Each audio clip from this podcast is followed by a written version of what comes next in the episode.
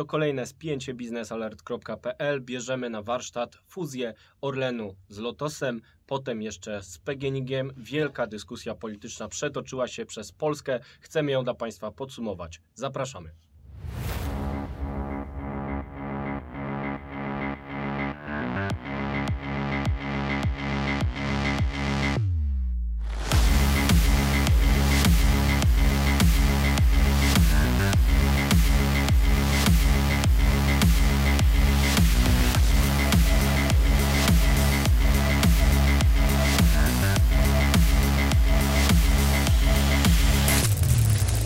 Witamy w kolejnym spięciu biznesalert.pl. Z tej strony Wojciech Jakubik, ze mną jest Mariusz Marszałkowski. Reprezentujemy redakcję biznesalert.pl i w spięciu, czyli w cotygodniowym programie, w którym podsumowujemy najważniejsze wydarzenia z sektora energetycznego, bierzemy na warsztat fuzję Orlen, Lotos i PGNiG, czyli Orleno, Lotos, PGNiG. Taka nazwa nie będzie najlepsza, ale podsumujmy w ogóle o co chodzi. Chodzi o, przynajmniej w założeniu, o budowę multienergetycznego koncernu, czyli takiego koncernu, który będzie. e, Polską.pl. Będzie Pol- wszystko. Będzie wszystko. Będzie można Gaz, ropa. kupić e, ten. Do, do kiosku sprowadzić. Albo e, też ruch jakieś, może się tam tak, Znaleźć paczki. ewentualnie. Także jak ktoś chce kupować, to będzie mógł sobie sprowadzić. Także wszystko. Może jeszcze, Będzie wszystko. może jeszcze jakiś e, spożywka by weszła, taka bardziej. No, ale parówki już są ogólnie. Parówki już są. I to bardzo dobre. Nie chcę tutaj, żeby ktokolwiek złe słowo powiedział na parówki na stacjach naszych polskich, bo jeździłem po różnych. Nie ma lepszych. No nie ma lepszych, No, szczególnie, że jest spoko. podobno Niemcy rozsmakowali się w naszych materiałach. Polecamy tutaj e, materiał Michała Pyrzyńskiego z Business Alert, który był na otwarciu e, zmianie marki stacji Orlenu w Berlinie i tam te parówki szły jak złoto, bo nasi germańscy sojusznicy z NATO, z Unii Europejskiej uwielbiają je. Ponoć, ale do rzeczy, o co chodzi? No są trzy firmy, były osobno, mają być razem. Koncern multienergetyczny. Tak, w koncernie, w idei koncernu multienergetycznego chodzi w głównej mierze o transformację energetyczną, czyli o dekarbonizację koncernów, odchodzenie od paliw kopalnych i przestawianie się na mniej emisyjne bądź zeroemisyjne źródła wytwarzania energii. Bo transformacja to nie jest tylko przecież przechodzenie e, z paliw kopalnych e, bardzo mocno na mniej mocno emisyjne, czyli na przykład z węgla na gaz, ale tu też chodzi o elektryfikację gospodarki, czyli tam, gdzie dzisiaj są paliwa kopalne, tam w przyszłości będzie elektryfikacja, czyli samochody elektryczne. No właśnie, bo trzeba przypomnieć, nie każdy to pewnie wie, chociaż nasi widzowie na pewno, że paliwa kopalne są źródłem paliw na stacjach też. tak prawda? jest. O to chodzi. To też Tak są te jest. paliwa kopalne, których nie lubimy. Tak jest, które emitują dwutlenek węgla, dwutlenek siarki, azotu i innych y, I niepotrzebnych to jest coraz gorszy biznes. Czy ktoś wierzy w te zmiany klimatu, czy nie, chociaż my oczywiście wierzymy, to po prostu biznesowo opłaca się przechodzić te transformacje Tak, też no, na stacjach paliw. Właśnie, no tutaj znowu użyję argumentu, który zawsze był gdzieś tam, jest używany i może już trochę spowszedniał, ale epoka kamienia upanego nie skończyła się dlatego, że się skończył kamień, ho, tylko po prostu trzeba szukać nowych rozwiązań technologicznych, które polepszają nasze życie na co dzień. Tym bardziej, że nie chcemy też paliw kopalnych z Rosji. Mamy nowy kontekst wojny na Ukrainie, który może przyspieszyć tę transformację energetyczną, właśnie dlatego, że nie chodzi o to, że ropa się skończy, tylko chodzi o to, że skończy się kiedyś zapotrzebowanie na tę coraz droższą e, ropę. No i jak tutaj pomoże fuzja? No Orlenu właśnie, z no i Lotosem, Orlenu z sama, Lotosem i z PGNiG. No i w założeniu właśnie fuzja ma doprowadzić do tego, że te wszystkie koncerny, e, czy, czy Lotos, czy Orlen, które dzisiaj opierają swój kor działalności na przerabianiu paliw kopalnych, żeby miały więcej funduszy na inwestycje w paliwa albo alternatywne, czyli na przykład wodór, amoniak, biometan, albo też całkowitą dekarbonizację w postaci na przykład morskich farm wiatrowych, czy Orlen coraz bardziej, coraz głośniej mówi o SMR-ach. I- Małe reaktory jądrowe. SMR-ach, dokładnie małych reaktorów jądrowych, czyli takich małych przydomowych reaktorach, które będą mogły, czy przyzakładowych, które będą zapotrzebowanie danego zakładu pokrywały e, właśnie z energetyki jądrowej. No i do tej e, całej reszty, czyli paliw kopalnych w postaci przerobu ropy e, na paliwa i produkty petrochemiczne, ma dojść również PGNiG, który zajmuje się dostarczaniem, wydobywaniem e, gazu ziemnego. No i ten cały koncern multienergetyczny ma e, być taką odpowiedzią na wyzwania XXI wieku. Jakby Na miarę naszych możliwości. Tak, Ale ogólnie y, teraz są zaczynają się założenia. schody. Założenia są, y, y, ciekawe i rzeczywiście koncerny takie jak Saudi Aramco, takie jak British Petroleum przechodzą te same procesy, to znaczy automatyzacja w rafineriach, e, przejście bardziej z petrochemii na właśnie chemię, to też widać e, w Orlenie. Ten trend jest, tylko sytuacja Orlenu i Lotosu na początek jest inna z tego względu, że jesteśmy w Unii Europejskiej. I tutaj nie jest tak łatwo robić fuzję. Żeby móc ją zrobić, trzeba zabezpieczyć rynek, a tak się składa, że na naszym rynku dominują Orlen i Lotos Mhm. i mogą to robić, ponieważ są osobno.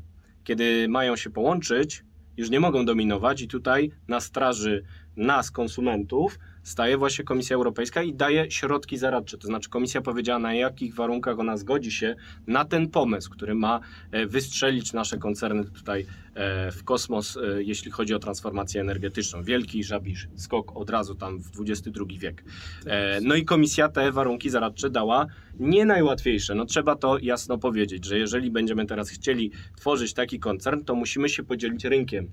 No i wśród środków zaradczych pojawił się jeden, który jest teraz szczególnie e, w kontekście wojny na Ukrainie e, popularny, Pod, podłapali go politycy. Chodzi o to, że częścią transakcji ma być z jednej strony sprzedaż udziałów w rafinerii gdańskiej 30%, czyli mniejszościowy pakiet Saudi Aramco. Są zastrzeżenia, że Saudowie w tym momencie są akurat skonfliktowani ze Stanami Zjednoczonymi, że tutaj wchodzą w kooperację e, z Rosjanami, no ale z drugiej strony pojawiają się kontrargumenty, że przecież zapewniają nam ropę nierosyjską i elementem te, tej fuzji miałoby być dodatkowe 200 tysięcy baryłek rocznie w nowym kontrakcie, który byłby elementem tutaj e, tej układanki. Tego nie rozstrzygniemy, bo dzisiaj skupimy się na innym elemencie, czyli sprzedaży stacji. 471 stacji Mhm. Lotosu będzie musiało zostać oddane partnerowi zagranicznemu i Orlen chce, aby tym partnerem był węgierski MOL. I tutaj zaczynają się schody polityczne. Jak się uda, to posłuchają Państwo, co mówi o tym były premier Donald Tusk, który liczy na to, że stanie się liderem opozycji znowu. Zjednoczonej opozycji. Zjednoczonej, tak, przeciwko Zjednoczonej Prawicy, Zjednoczona Opozycja i wszyscy będą zjednoczeni e, w ramach tej takiej polsko-polskiej wojny jak zwykle. E, posłuchajmy pana premiera. Stacja Lotosu. Zatrzymaliśmy się tu w drodze do kopalni ropy naftowej i gazu w Lubiatowie w województwie lubuskim. Y, To jest jedna z tych 400 ponad stacji, które rząd PiSu postanowił sprzedać węgierskiemu molowi, czyli w sensie politycznym prawie że Putinowi. 400, ponad 400 naszych polskich stacji. Moglibyśmy dzisiaj znowu mówić o cenach. Widać, widać y, jak z dnia na dzień de facto skaczą y, ceny paliw na polskich stacjach. Ale dziś przede wszystkim chciałbym jeszcze raz apelować. Nie róbcie tego błędu. Nie sprzedawajcie polskich rafinerii, polskich stacji benzynowych w ręce Orbana, który pozostaje pod polityczną kontrolą Putina i Rosji. No i właśnie y, pan Donald Tusk tak uważa, że ten MOL to zło. Jaki jest twój komentarz, Mariuszu?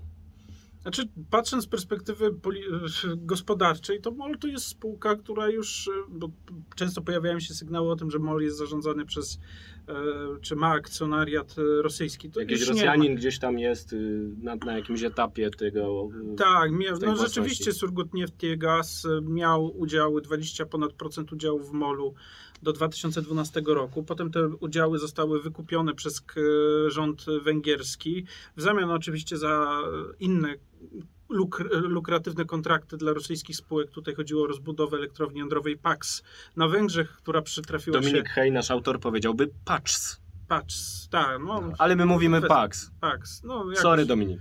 No właśnie, jakoś tak, tak, tak jakoś wyszło. E, Natomiast e, rzeczywiście już dzisiaj nie ma udziału rosyjskiego koncernu w e, węgierskim molu. Natomiast rzeczywiście trzeba spojrzeć pod kątem tego, jaki wpływ stacje benzynowe mają na cały koncern. No bo tu też jest, to jest istotne w kontekście. Czy to są aktywa strategiczne? Czy Przede Węgrzy wszystkim- zatłuką nas rosyjskimi parówkami? Prze- Raczej nie, raczej nie. Przede wszystkim trzeba pamiętać o tym, że w- stacje benzynowe, mimo iż są najbardziej widocznym fragmentem segmentem działalności koncernów energetycznych, to tak naprawdę one odpowiadają za jedynie ułamek ich przychodów. I jeżeli popatrzymy na przychody koncernu na przykład PKN Orlen z tytułu hurtu detali- sprzedaży detalicznej, czyli właśnie odbywającej się na stacjach benzynowych, to to jest między 10 a 12-13% e, rocznych przychodów, więc to naprawdę nie jest, to nie jest znaczący e, udział, jeżeli chodzi o, o, o działalność koncernu, natomiast rzeczywiście jest najbardziej widoczna, no bo te koncerny po prostu każdy kojarzy stacje benzynowe, bo na nich tankuje. Tak, i najgorzej by było, gdyby faktycznie MOL wszedł na przykład do rafinerii, bo kto wie, co by się tam działo. No prawda? tak. No, Nie wiadomo. rzeczywiście. Jest to faktycznie aktywny partner R- Rosji, kupuje ruskie, ruskie paliwa, jest zainteresowany współpracą, tak samo jak cały rząd Wiktora Orbana. Gdyby MOL wszedł do rafinerii, to byłoby zagrożenie, bo to już jest aktywo strategiczne. Odpowiednie ułożenie relacji z Saudi Aramco powinno zabezpieczać polskie interesy, no ale Saudi to nie jest ten prorosyjski MOL, bo tak jednoznacznie trzeba powiedzieć. Pisaliśmy o tym wiele razy, pokazując pewne dane. MOL to jest firma prorosyjska, ale rosyjskimi parówkami nas nie zatłucze. I Przede e, wszystkim będzie kupowało, prawdopodobnie będzie kupowało paliwo w polskich rafineriach. Tak. Ostatecznie tak, bo y, ma być taki deal, że przez pierwsze kilka lat ma kupować w naszych rafineriach Tak. i niech się tego lepiej pilnuje, bo ogólnie o Węgrach mamy zarządów e, Wiktora Orbana, prorosyjskiego konia trojańskiego, bardzo złe zdanie. Dokładnie. Tak. Tym bardziej, jeżeli popatrzymy, tu jest pewne zagrożenie. Na przykład, jeżeli popatrzymy na to, że Węgry nie chcą zgodzić się na sankcje y, na rosyjską W ropę. chwili, gdy rozmawiamy, nagrywamy w środę, przepraszam, we wtorek e, 26, nie ma embarga unijnego dalej na ropę rosyjską. No właśnie, i teraz Węgrzy sprzeciwiają się temu, bo przez lata nie zbudowali żadnych możliwości sprowadzania surowców. Bo nie z- chcieli. Bo nie chcieli. Bo mogli, my zbudowaliśmy. Dokładnie, zarabiali kupę pieniędzy na rosyjskich surowcach, a teraz mówią o tym, że nie wprowadzą embarga, czy nie mogą wprowadzić embarga, ponieważ to ich zabije, to zabije ich gospodarkę. No, nie zabije, bo ostatecznie też mają morski szlak przez Chorwację, o którym też pisaliśmy w Business Alert. Są w stanie od dzisiaj sprowadzać nierosyjską ropę przez Chorwację. Komisja Europejska oferowała pomoc w tej sprawie. Chodzi o targ, chodzi o wyciągnięcie więcej pieniędzy, o wyłamanie z izolacji w sprawie, tak. w sprawie Krajowego Planu Odbudowy. I to jest taki sojusznik. Polski też, nasz bratanek nie za miły. Liczę tutaj na społeczeństwo węgierskie, które, które to zobaczy, miejmy nadzieję, chociaż ostatnie wybory pokazują, że nie. No, zobaczymy, co będzie za 4 lata. Zobaczymy, co będzie za tydzień, kiedy następne spięcie Business Alert e, Państwu zaprezentujemy. To wszystko e, na dziś w materiale o fuzji. Dziękujemy bardzo. Do zobaczenia za tydzień. Dziękujemy, do zobaczenia.